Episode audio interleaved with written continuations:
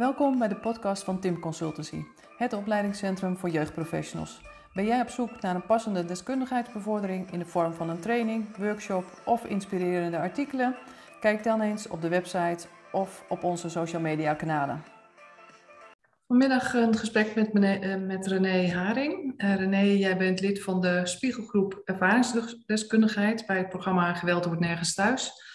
En uh, je hebt een hele mooie, belangrijke website um, van agressie en daarna. En daar richt je je op lotgenoten van uh, slacht, zowel slachtoffers als plegers van huiselijk geweld. Dus super fijn dat je mee wilt werken aan deze podcast. En dat je uh, Alvast. Ja, super fijn. Um, kan je iets meer vertellen van wat de aanleiding is geweest om uh, de website te starten? Of um, wat maakt dat jij bij die ervaringsdeskundigheidsgroep zit? Ik wil iets over zeggen, ja.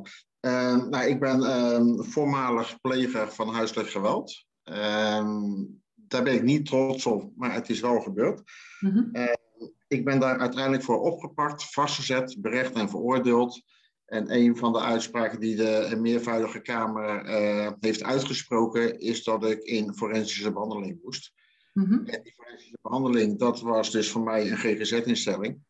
Ja, en daar heb ik dan twee jaar gelopen.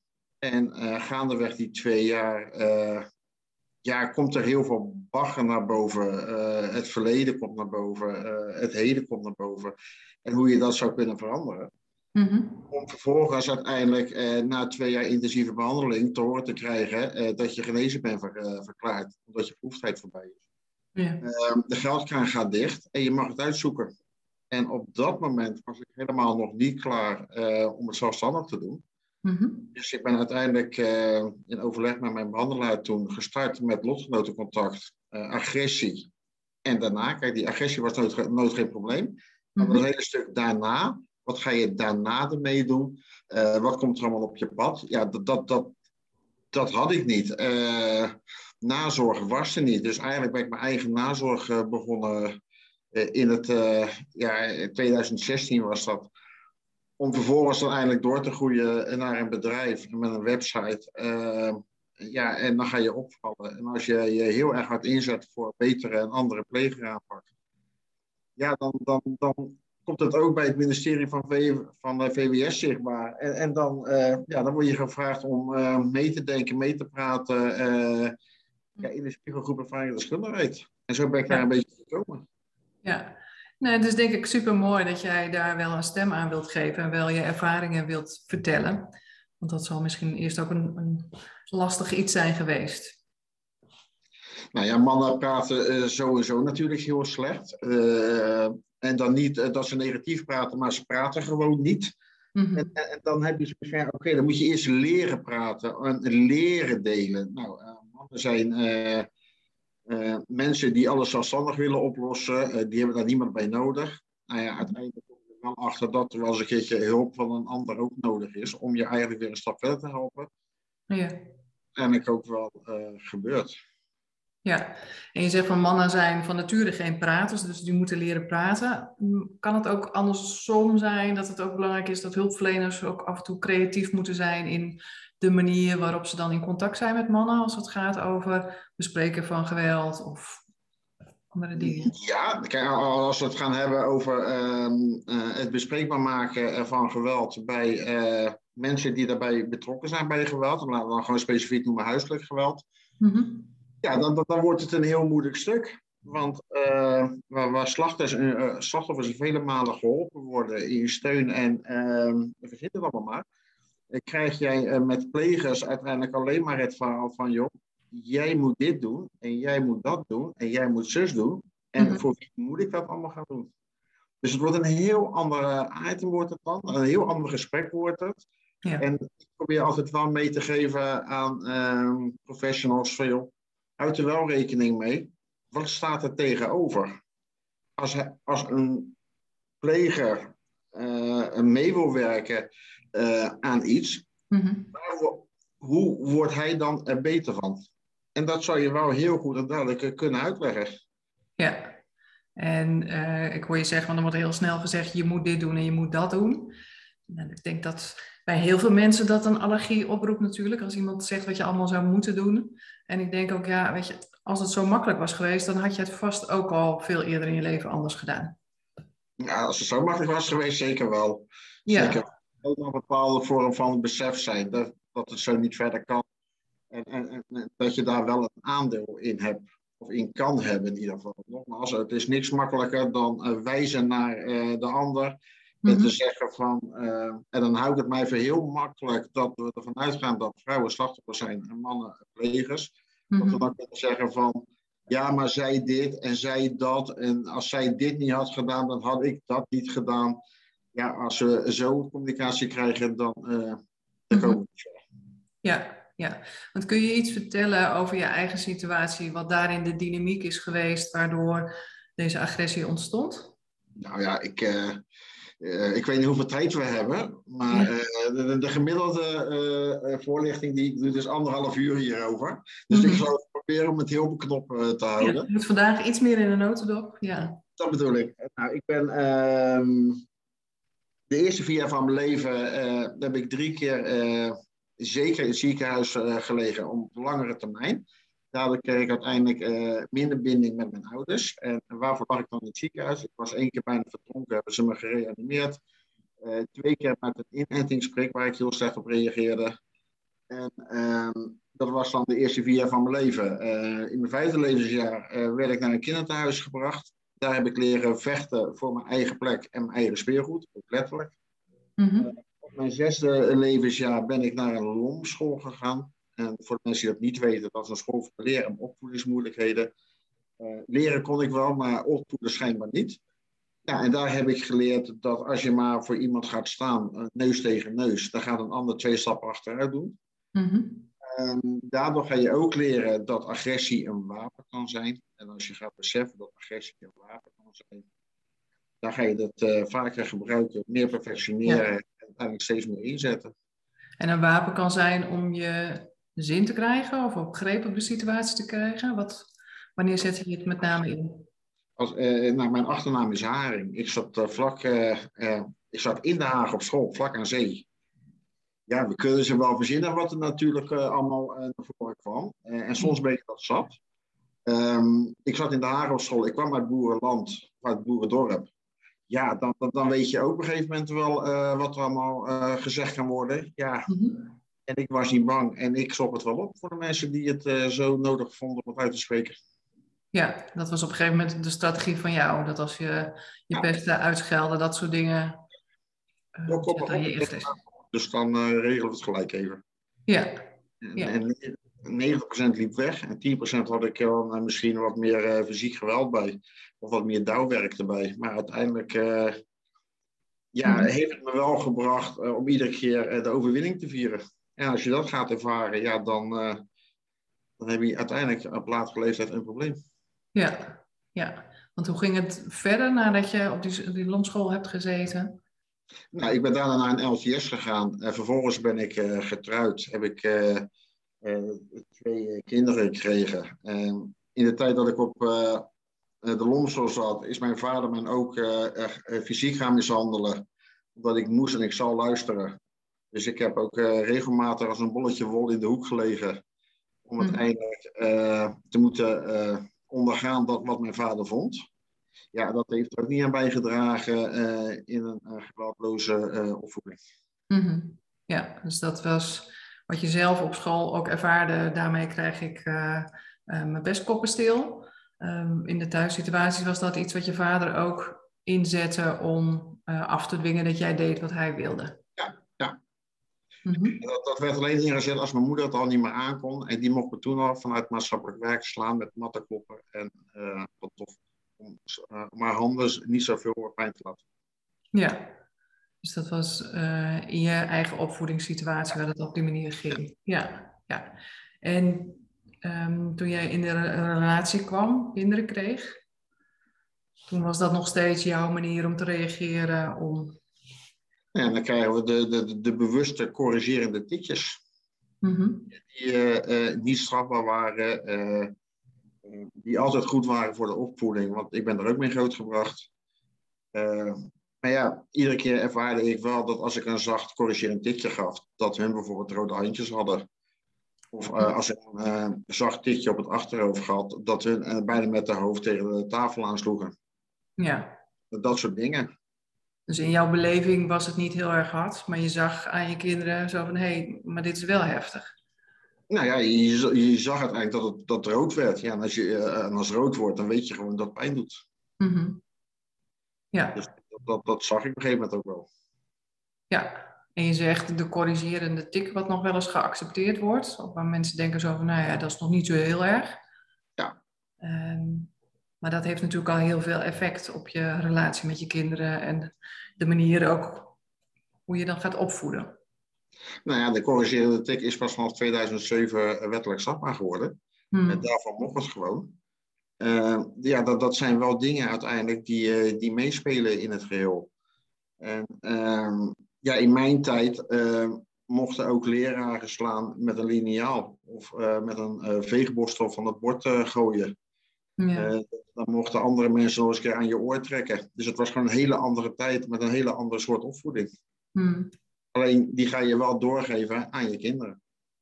Ja, en um, hè, dus dat ging richting je kinderen en in je relatie? Nee, in mijn relatie wordt het natuurlijk uh, ook steeds erger. Uh, waar eerst heel veel verbaal geweld is, ehm, ja, wordt het op de duur natuurlijk ook fysiek geweld. als er ook nog andere dingen gaan meespelen, ja, dan, dan, dan, dan, en dan moet je denken aan financiële problemen, stresssituaties, eigen bedrijf wat dan failliet gaat. Ja, dan, dan, dan heb je alleen op één stapeling van allerlei factoren die het alleen maar verergeren. Mm. Ja, dus je zegt door, door momenten waarop er heel veel stress in je leven komt, dan werd de boosheid en agressie steeds meer, steeds erger. Je, kan steeds minder hebben, dus, dus ieder, ieder woord kan te veel zijn. En uh, ja, dat ga je op een gegeven moment ook wel ervaren. En het hoeft maar heel weinig te zijn uh, dat je dan inderdaad uh, een explosie krijgt. Mm -hmm. Ja, en, en kan je daar nog iets meer over vertellen, hoe dat dan in je relatie ging? Uh, ja, tuurlijk kan ik daarover vertellen. Uh, ik, ik, weet, uh, tijdens mijn behandeling en ook na mijn behandeling ben ik daar ook nog heel erg fanatiek mee bezig geweest. En, en ik kan best zeggen dat als wij een uh, agressiethermometer hebben van 1 tot en met 10, dan staat bij heel veel mensen de, de thermometer op 3. En bij mij stond die standaard op 7. Nou, mm. laten dan twee incidenten gebeuren bij allebei, waardoor die oploopt met twee stapjes. Dan staat uh, de gemiddelde persoon staat dan op 5 en ik stond op 9. Mm -hmm. Terwijl ik stond er bijna op exploderen. En dat hoefden maar hele kleine dingen te zijn en ineens echt hele belangrijke dingen. Uh, ja. Maar ja, zo werkt het schijnt achteraf bij mij. En dat, uh, ben je er ook achter gekomen waardoor jij al eigenlijk standaard zo hoog in de stress uh, zat? Nou, het heeft heel veel, heel veel te maken met met mijn indeling van mijn leven. Financiële problemen, wat heel veel aanwezig was op dat moment. een partner die alcoholverslaafd was. maar bij mijn tweede partner was dat dan totaal niet het geval, die alcoholverslaving. Um, eigen bedrijf met, met extra spanningen, een kind wat lichamelijk en geestelijk beperkt is. En zo kan ik nog wel even doorgaan met allemaal stapjes die dan net eventjes iets meer spanning en stress geven. Ja, dus eigenlijk uh, was je bord eigenlijk altijd heel erg vol met alle, alles wat je aan je hoofd had, wat er gebeurde. Mm -hmm. En um, dan kan je natuurlijk, als je heel veel stress en heel veel spanning hebt, dan kan dat altijd verschillende kanten op gaan. En bij jou uitte zich dat in een boosheid, agressie. Ja. Anderen kan zich dat natuurlijk uiten in depressie en niks doen. Nee, maar dat, dat, dat, daar had ik geen last van, depressie en niks doen. Uh, als man heb ik altijd meegekregen, zelf je bootjes doppen, zelf oplossen. Mijn vader heeft uh, van al, mijn zestiende altijd gezegd, joh, weet ik niet, weet ik niet. Ja, en als je dat maar honderd keer zegt, dan ga je het op een gegeven moment gewoon niet meer vragen aan je vader. Mm -hmm. En dan denk je, ik zoek het zelf wel uit. Nou, daar heb ik uh, veel goede stappen mee gedaan, maar ook heel veel slechte stappen mee gedaan. Mm -hmm. en, en zodoende krijg je dus dat je alles zelf gaat oplossen, zonder het ook maar aan iemand te gaan vragen. Ja, ja. En ehm, wanneer je dan die boosheid, die agressie voelde en dat uitte zich, um, hoe, hoe keek je daar dan zelf weer op terug? Daar keek ik niet op terug. Dat mhm. was gewoon een incident, situatie, dat zit klaar en we gaan weer verder. Ja. Maar je moet ook wel beseffen uh, wat je doet. En als je, zolang je niet beseft wat je doet, kan je het ook niet veranderen. Ja, dus jij was heel goed in staat om dat maar steeds weg te drukken, niet over te hebben, niet over na te denken. Het, uh... ja, als iemand ruzie wilde, dan kreeg hij ruzie. Als iemand zich bemoeide met het opvoeden van mijn kinderen, dan kreeg hij ruzie. Dat was gewoon mijn levensstijl. Mm En dat was ook uiteindelijk mijn overlevingsstrategie, die ik vanaf mijn uh, kindertijd, uh, vanaf het uh, kinderthuis, al heb ontwikkeld. Ja, ja. En in die periode zijn er toen wel eens mensen geweest die er iets van gezegd hebben, die erop wezen? Nee. Niet? Nee. Dat lijkt me ook heel verstandig op dat moment, want anders hadden ze de wind van voren gehad. Mm ja. Want ik, ik accepteerde geen, geen uh, tegenreacties of uh, negatieve dingen die ik uh, verkeerd zou hebben gedaan. Mm dat was helemaal niet aan de orde. Ja. En, ik denk dat de mensen ook bang genoeg waren om überhaupt niks te zeggen. Dus dat was je hele uitstraling naar mensen toe. Om denk erom, laat me met rust. Um, zeg geen verkeerde dingen. Ik heb, uh, ik heb mijn eigen leven en daar hoef je je niet mee te bemoeien. Uh, wie dat ook is. En als je dat wel ging doen, dan wisten ze ook, dan krijg je de wind van voren. En dat was dan uh, ja, behoorlijk veel verbaal geweld. Ja. En, en, en, dat kon ook nog wel eens uiten naar fysiek geweld. Dus ze dachten wat drie keer na. Mm -hmm. Ja. En, en hoe heeft het zich dan op een gegeven moment Um, hoe is dan toch naar buiten gekomen of hoe is het doorbroken? Uh, hoe is het? Uh, nou ja, ik, ik, ben op een gegeven moment uh, door de jaren heen en veel mensen van me weg gestuurd hebben, ben ik uiteindelijk wel gaan realiseren dat ik een, een, monster in mezelf aan het creëren was. En dat monster kreeg steeds meer de overhand. En wat gebeurde er dan? Dan werd ik boos en dan kreeg ik een waas voor mijn ogen uh, zag ik niet meer wie daar voor me stond. Uh, er was gewoon een object. Uh, het beest zag geen kleur, zag geen ehm, man of vrouw. Er zag gewoon schimmen. En uiteindelijk moest dat object dat moest vernietigd worden. En als je dan pas achteraf ziet hoe het slachtoffer erbij ligt, ja, dan, dan, dan ga je daar altijd duur wel over nadenken. Want je komt steeds meer in de buurt dat je een moord kan gaan plegen. Mm. Omdat het slachtoffer eh, het beest stopt alleen wanneer het eh, slachtoffer of niet meer beweegt, of wanneer het zich totaal overgeeft. Nou, zo mhm. was ik op een gegeven moment. En, en toen ik dat ging beseffen, dat ik dacht, ja, maar dit wordt echt heel gevaarlijk. Ja, toen ben ik hulp gaan zoeken. Mm Ja. En uh, was dat met name dan de slachtoffers buiten je gezin? Nee, was hoofdzakelijk mijn, uh, mijn tweede partner. Mijn mhm. eerste partner heb ik ook mishandeld. Uh, mijn tweede partner heb ik meer mishandeld. Ehm, en uh, ja, dan, dan, ga je, dan weet je gewoon, het gaat niet goed. Uh, er moet wat gebeuren, je gaat hulp zoeken. En een van de eerste dingen die ik gedaan heb, was naar het politiebureau stappen. Uh, en gevraagd van, joh, zet mij alsjeblieft vast. Ik ben een gevaar voor mezelf, een gevaar voor mijn partner. Waarop ik de vraag kreeg, wat heb je dan gedaan? Ik zeg, nou, heb je je partner al mishandeld? Zo, zo was het. zeg, nou, nog niet, maar ik heb wel van een uh, kastdeur een gatenkaas gemaakt, waar ze voor stond. Ja. Ik ga gewoon merken dat dat van kwaad tot erg gaat worden. Nou, dan kom je dus in het juridische schade terecht. En dan word je nog uh, dan word je weggestuurd. Want je hebt nog niemand fysiek mishandeld. Mm Ja, en dan wordt het natuurlijk een heel ander verhaal. Uh, uh, de hulp die ik vanuit het politiebureau kreeg, was een uh, telefoonnummer van Stichting Correlatie. En die mocht ik dan bellen. En daar kreeg ik dat advies Doe vooral niet waar je later spijt van krijgt. Hm. Ze vertellen je dan niet hoe dat moet als je uh, tot in de top over je oren uh, in de agressie zit. Mm Want dat, dat, dat vertellen ze je dan niet. Ja, en daar had de eerste hulp al uh, gestart kunnen worden uiteindelijk. Mm -hmm. Ja, want wat, wat, had je, wat had jou toe kunnen helpen toen je dan die stap naar het politiebureau zette? Um, ik zie nog steeds voor mij dat er vanaf het politiebureau um, uh, wat ergens in de regio een 24-uursopvang is. Laten ze je daarheen brengen. Uh, laten ze je daar met uh, een bak koffie en je verhaal vertellen wat er daadwerkelijk speelt. Dan hebben ze je namelijk in zicht. Mm ze hebben je naam, je adres. ze kunnen op dat moment waarschijnlijk nog niet heel veel doen, maar ze kunnen wel het luisterend oor zijn. Um, vervolgens kunnen ze kunnen een afspraak maken dat we met 72 uur dat we erop terugkomen. Als de situatie gevaarlijk is, ga je zeggen, joh, blijf lekker hier slapen. Uh, lichten je partner in, dat ze daar in ieder geval geen last van hebben. Dat mhm. ze weten waar je bent. En, en, vanaf dat moment ben je in zicht. En, en vanaf dat moment kan er ook uh, daadwerkelijk hulp gestart worden. Ja, dus dat, dat zou jouw wens zijn dat die mogelijkheid er veel meer is. Nou, dat, dat is een van de, van de mogelijkheden die, er, eh, die ik graag zou willen zien uh, ontstaan. Mm Omdat daar uiteindelijk uh, de roep om hulp er is. Alleen, ja, ga maar eens even hulp zoeken in eerste instantie als man zijn. Je weet niet waar je moet zoeken, je weet niet bij wie je moet zijn, je weet niet hoe je moet mhm. starten. Ja. Zo iemand dan op het politiebureau komt, ja, dan, dan kan er een hele belangrijke taak zijn voor de politie om in ieder geval te zeggen, joh, wij weten die weg wel, want ze zitten vaak toch in netwerkoverleggen. En wij gaan jou daarmee helpen.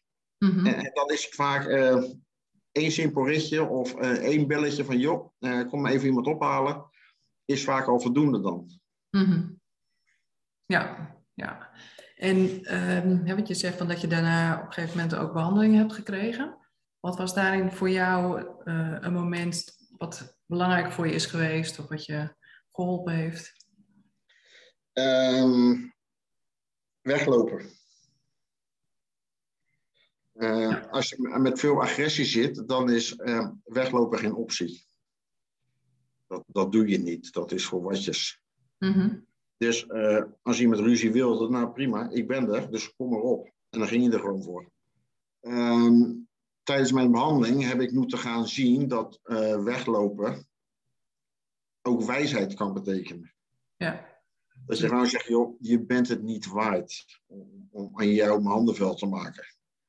Mm ja, dat, dat zijn twee uitersten die je echt moet leren, die niet vanzelfsprekend zijn.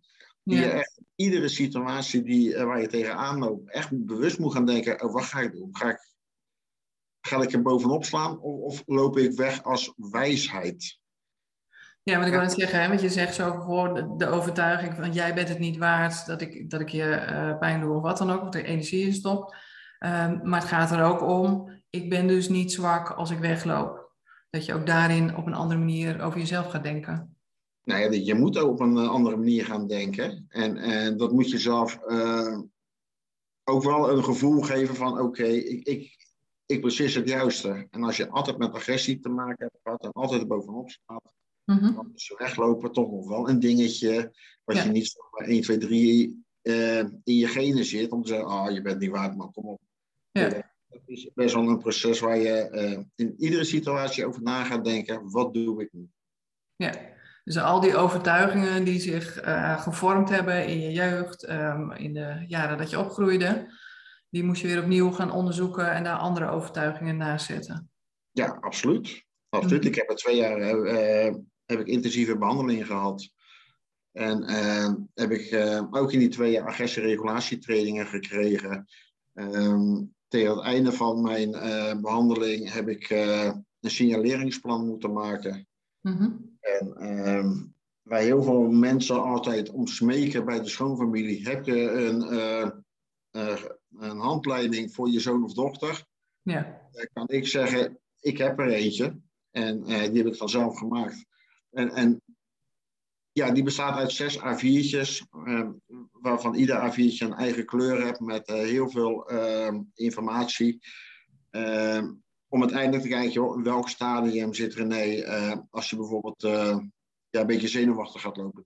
Mm -hmm. Dan kan je heel snel nalezen, oh hij zit nou in geel of in oranje. Ja. Nou moeten we wel gaan oppassen. En dit en dat kunnen we nog doen. En dit en dat kan hij ook nog zelf doen. En je moet ja. er wel met, op geattendeerd worden.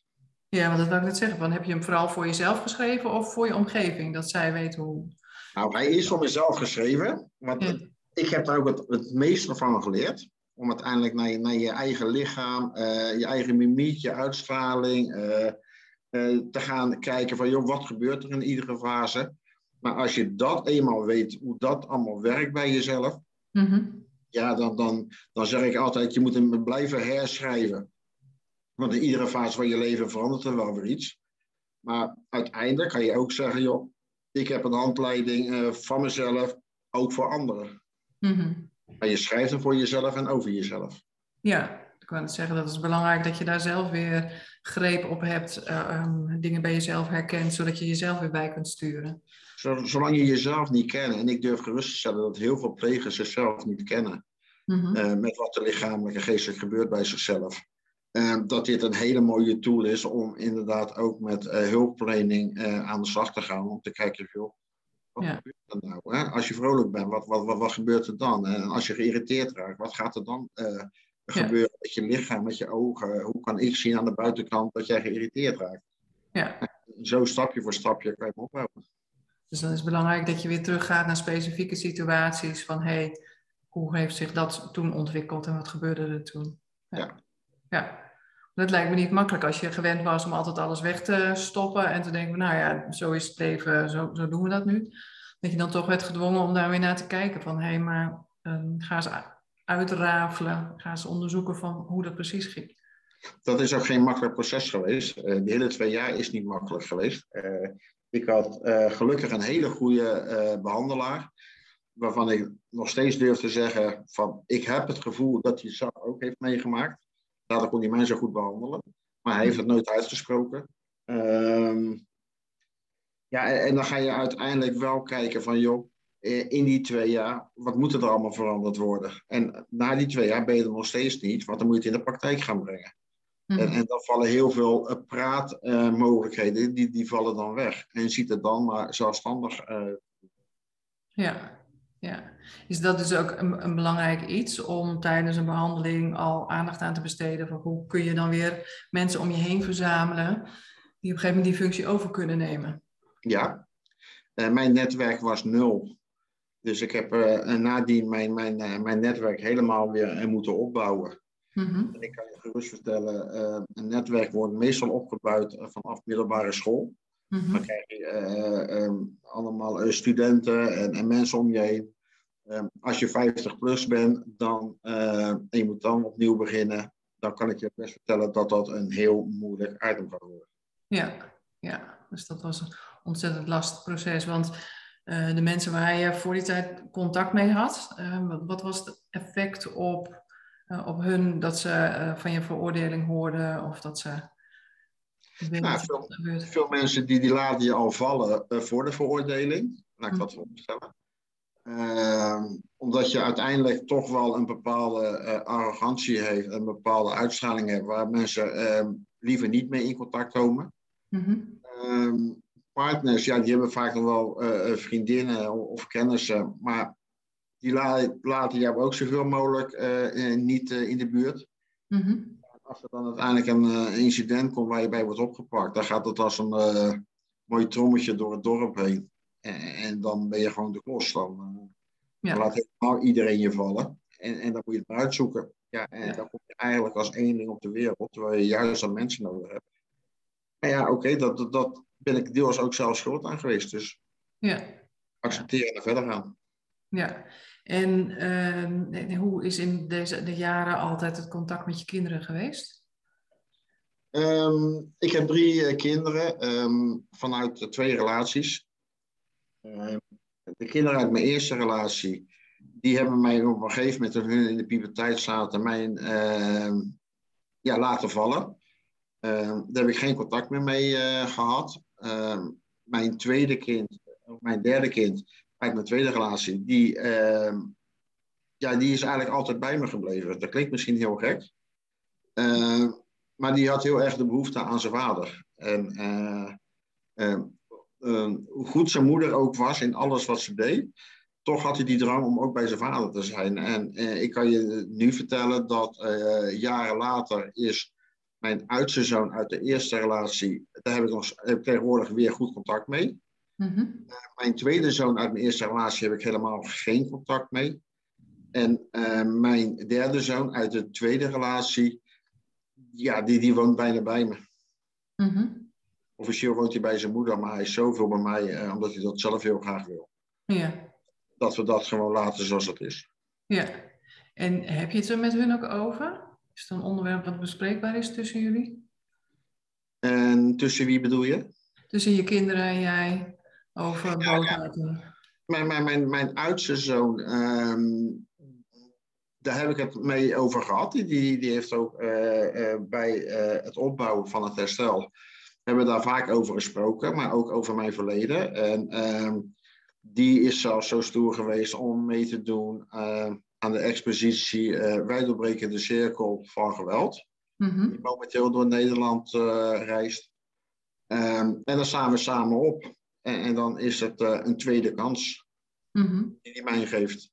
Ja. Eh, mijn tweede zoon, ja, daar kan ik natuurlijk niets mee bespreken zolang hij geen contact wil. Ja, en mijn derde zoon, ja, die, die, die, die vraagt soms dingen, maar dat doet het uh, op zijn tempo en uh, ja, op ieder willekeurig moment. En Ja.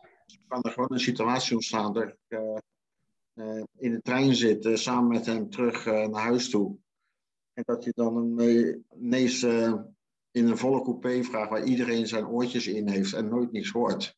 Dat hij dan ineens vraagt van, hé hey pap, toen jij met de politie mee moest, moest je toen de gevangenis in? Mm. Uh, dan weet ik, als dat soort dingen uh, uh, geroepen worden in zo'n coupé, dan vliegen ineens al die oortjes uit. Dan zie je ineens heel veel gezichten naar de kant op kijken. En wat mijn vader dan nooit gedaan heeft, heb ik altijd wel gedaan. En mijn vader zei altijd, weet ik niet, weet ik niet. Ik heb op dat moment altijd gezegd, hij krijgt een antwoord. En dan krijg je het eerlijke antwoord. Dus ik heb inderdaad gezegd van, ja, ik moest toen de gevangenis in. Oh, dan hebben ze gelogen tegen mij, want ze zeiden dat dat niet hoefde. Okay. Nou, dat, dat, dat, zijn dan de situaties die ontstaan. En, en die laat ik ook gewoon lekker. Uh, dus hij Mhm. doet het op zijn eigen manier, in zijn eigen tempo, als je wat wil weten. En dan krijg je altijd een eerlijk antwoord. Ja, ja. Dat is, uh, dat is super mooi dat je dat uh, heel erg daaruit hebt meegenomen. Zo van ja, dat wat je vader zei, dat wil jij niet doen. Je wil wel die antwoorden geven. En um, wat, wat nog meer heeft, um, voor, wat, wat is voor hun belangrijk om daarin wel contact met je te hebben? Ook, ook misschien vanuit het perspectief van je oudste, die op een gegeven moment toch weer het contact met je heeft opgebouwd? Nou, die, die, uh, uh, die had op een gegeven moment zoiets, uh, na het overlijden van mijn vader, heeft hij gewoon gezegd, pap, zullen we er een streep onder zetten? Zullen we laten wat het, het verleden was en laten we kijken wat we nog samen kunnen opbouwen? Nou ja, dat vond ik een heel wijs besluit wat ik met twee handen heb aangenomen. Ja. Ja, en, dat heb ik langzamerhand, beetje bij beetje, heb ik dan steeds meer met hem kunnen uitbouwen tot heel goed contact. Mm -hmm. Ja, oké, okay, mooi. En ik ben wel benieuwd, want um, deze podcast wordt veel beluisterd door jeugdzorgprofessionals. En ik denk, ja, en zij krijgen te, te maken met uh, agressie, fysiek, verbaal, al die, alle verschillende vormen. En het belangrijke is natuurlijk om dat bespreekbaar te maken, om daarmee aan de slag te gaan. En jij zegt zo van, ja, ik straal altijd heel erg uit van, uh, ja, dit is bij mij, ga je dit niet bespreken, want dan heb je echt een probleem. Um, en toch moet het, toch is het belangrijk. Ja, klopt. Wat, wat zou je daar professionals in mee kunnen geven? Nou ja, een, een, een van de dingen die ik heel vaak hoor, uh, uh, of je het zelf hebt meegemaakt. Weet je wat ik heb meegemaakt? Weet je wat ik door heb gemaakt? Uh, weet je hoe het in elkaar zit? En dan denk ik, ja, dat, dat, dat zijn wel vragen die heel vaak met nee worden beantwoord. Dus waar heb je het dan over? wat weet je er dan van?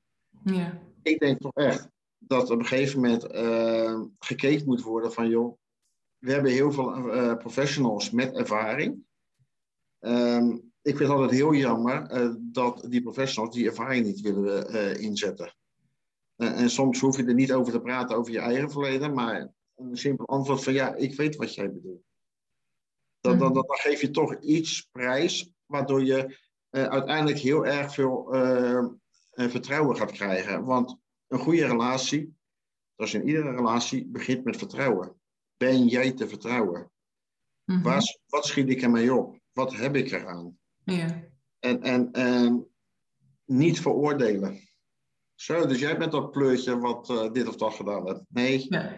ja. Vertel eens, wat is er aan de hand? En, en heb je um, in jouw ervaringen meegemaakt dat mensen dat echt uitspraken? Of is het met name dat je dat voelt aan de houding, aan hoe mensen jou, met jou in gesprek gingen? Uh, dan hebben ze het. Uh, nee, uh, meestal hebben ze het niet uitgesproken, omdat ze punt 1 ook niet durfden te praten.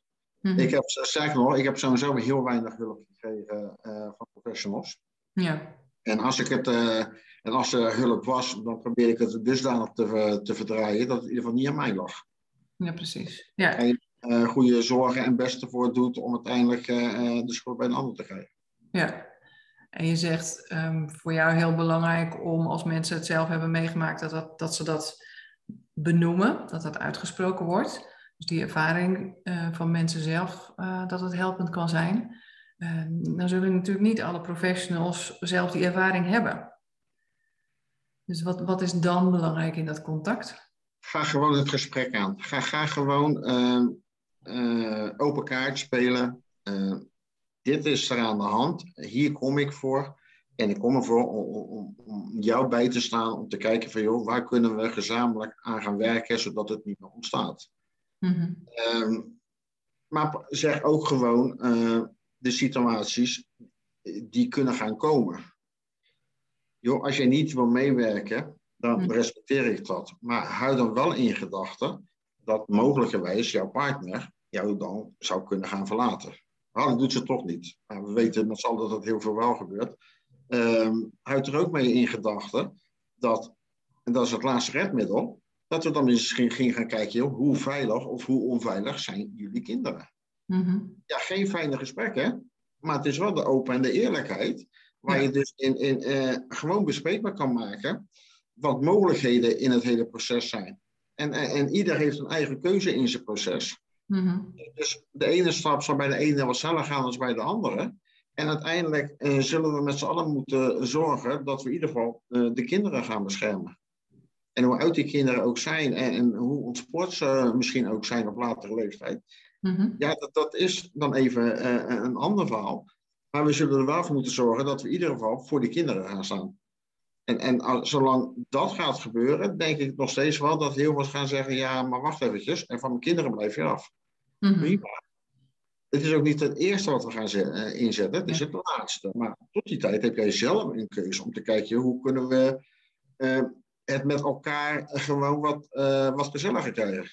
Ja, dus de, luisteren, belangstellend, niet direct veroordelend, maar wel ook heel transparant zijn in van wat zijn de opties. Of we gaan dit samen aanpakken, of als je niet meewerkt, dan zijn dit de opties ik, eh, ik heb moeite met wat jij zegt over niet direct veroordelend.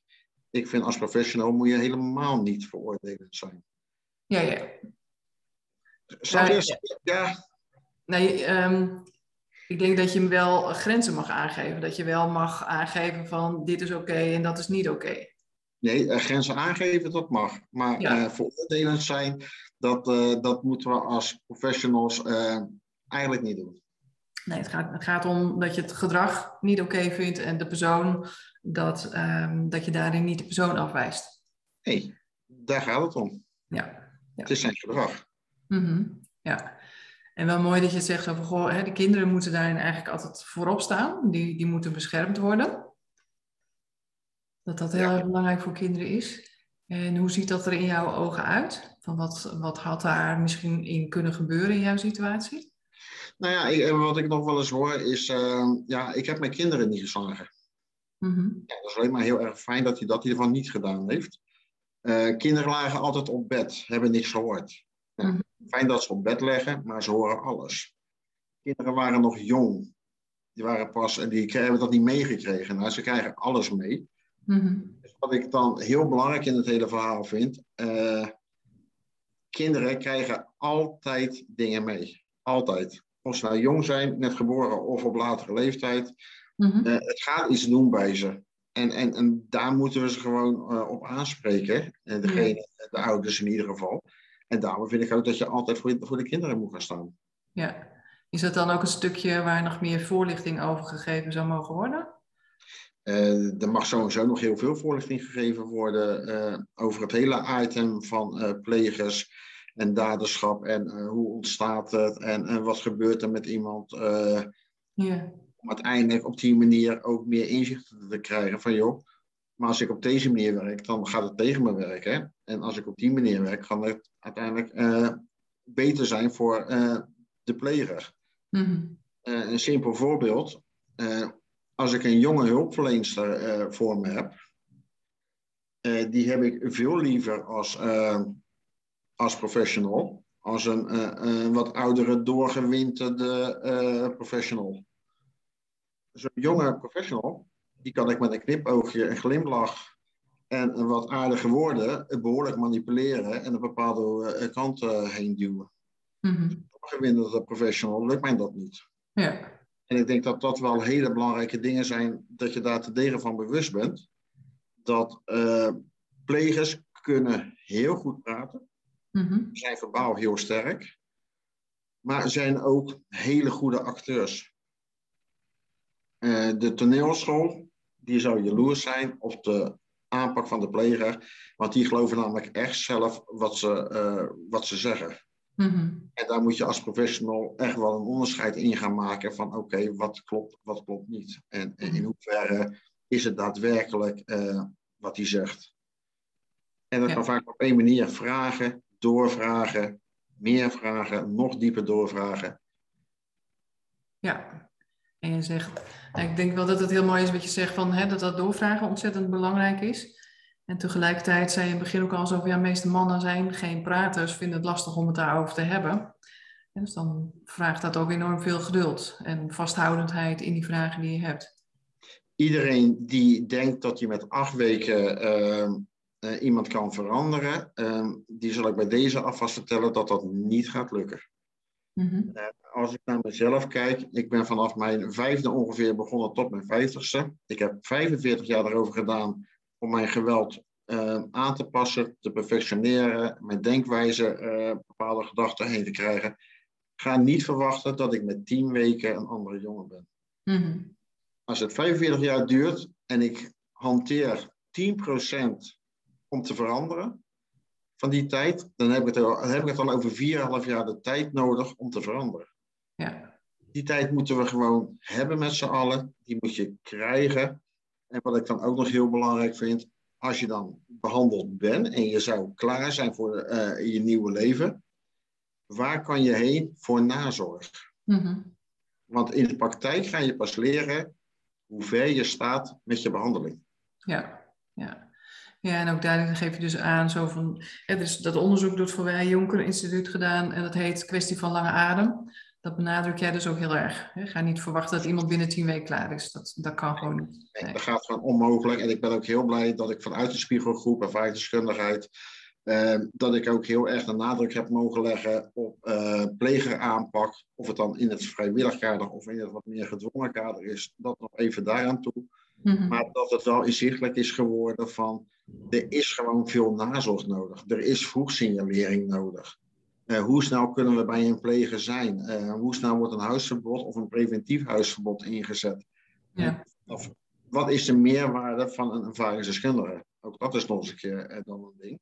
Mm-hmm. En ik ben van mening dat als we die drie dingen heel goed gaan aanpakken, ehm, dat we uiteindelijk echt wel een, een stap kunnen zetten naar minder huiselijk geweld. Ja, en zijn daar al concrete dingen uitgekomen van wat veranderd gaat worden of waar ze mee bezig gaan?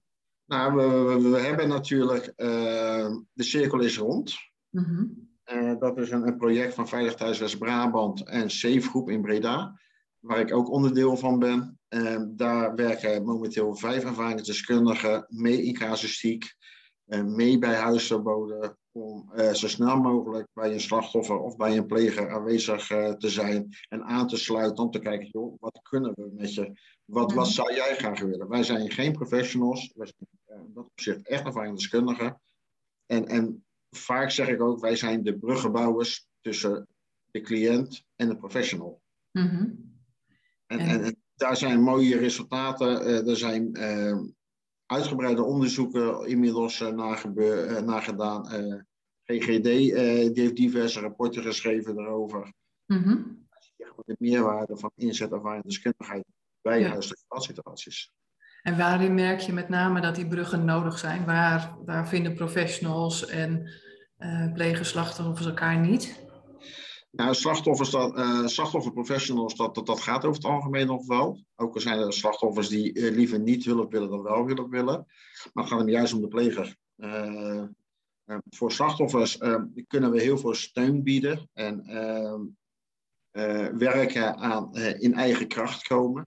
Mhm. Maar bij plegers kunnen we heel veel doen van, joh, waarom word je nou zo agressief? En heel veel plegers worden ook niet gehoord. Uh, dat is ook iets wat ik merk. Als je een pleger echt uren laat praten, dan, dan, dan gaat er een heel ander beeld ontstaan op een gegeven moment. En, en, en ja, dan, dan, kan je altijd mhm. kijken van, joh, wat is nou waar en was niet waar? Met een ervaringsdeskundige uh, is het wat makkelijker. Die praten ook makkelijker. Uh, en, en als je dat dan kan terugkoppelen van, joh, zal ik dit nou eens aan die professional gaan vertellen, waar je daarmee te maken hebt.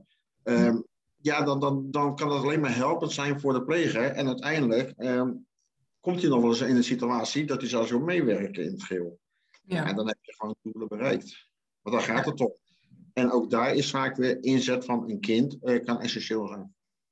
Ja, en daarin geef je ook aan van hoe belangrijk het is om de tijd te nemen. Ja. De tijd te nemen om dat verhaal te willen horen, om daarna te luisteren. Ja, en ook daadwerkelijk uh, er iets mee te gaan doen. En uh, het ene moment zijn, ben ik zelf als bruggenbouwer hele goede maatjes met de professional. Maar er zijn ook situaties waarvan ik tegen de professional zeg van joh, lijkt me niet verstandig. En dan krijg je een beetje een padstelling. Maar dan mhm. sta ik echt naast de pleger op dat moment. En, en uiteindelijk is het van mijn doel alleen maar van joh, resultaat behalen uh, in wat we graag willen. En die is van tevoren vastgesteld. Ja, en, en denkwijzes, ja, dat is voor iedereen persoonlijk. En de aanpak daarin ook. Ja, dus het is ontzettend maatwerk wat je moet leveren. Ja, ja mooi. Nog andere dingen die, die vanuit uh, die functie die je hebt uh, naar voren komen wat belangrijk is? Nou ja, wat, wat ik steeds meer zie ontstaan is uh, vanuit een stuk nazorg. dat er door het hele land steeds meer supportgroepen gaan ontstaan. Met, een, met de MTA-methodiek, dat is methodiek mannen tegen agressie, dat ontwikkeld is door Arno van Dam vanuit de GGZ WNB, dus West-Noord-Brabant. Mm Ja, en, en, en dat is een twaalf-stappenplan die je kan vergelijken met uh, mensen met uh, drugsproblemen of met drankproblemen. Mm -hmm. het, is, het is uiteindelijk kom je niet van je agressie af. Hetzelfde als met drugs en, en, en drank. Je komt er niet vanaf, je kan er wel mee omgaan. En je kan jarenlang kan je clean zijn uh, en het niet inzetten. Maar je zal altijd waakzaam moeten blijven. Mm nou, en, en, die, die nazorggroepen uh, die kunnen daar heel goed uh, als leidraad voor gelden. Omdat overal dezelfde methodiek wordt gebruikt. Kan je dus ehm, met, met het boek wat je ooit gekregen hebt instappen in het geheel. Gewoon zeggen, joh, kan ik even nog, ik ben nou in de buurt hier kan ik een keertje meedraaien. Ik moet even van me afpraten. Ik moet even weer wat ruimte creëren voor mezelf. Mhm. En, en dat, dat, als je dat ziet ontstaan door het hele land, ja, dan kan ik daar alleen maar trots op zijn. En, en als er ook eh, veel onderzoeken zijn gedaan en nog steeds worden gedaan van, joh, hoe kunnen we de plegenaanpak beter doen? Ja, mhm. dan denk ik dat we een goede eerste stap uh, gezet hebben met z'n allen. Ja, mooi. Mooi. Dat uh, zijn dus nog heel veel dingen waar je mee bezig bent en die uh, voor verbetering vragen, landelijk gezien ook. Um, ik, je hebt al heel veel mooie dingen verteld die, die waardevol zijn, die hopelijk ook uh, ja, zorgen dat jeugdprofessionals hier ehm, goed mee omgaan. Zijn er nog andere dingen die je wilt benoemen? Ja, ik probeer altijd af te sluiten met, met, een zin. En die is meestal, zeker van professionals uit, zie twee mensen.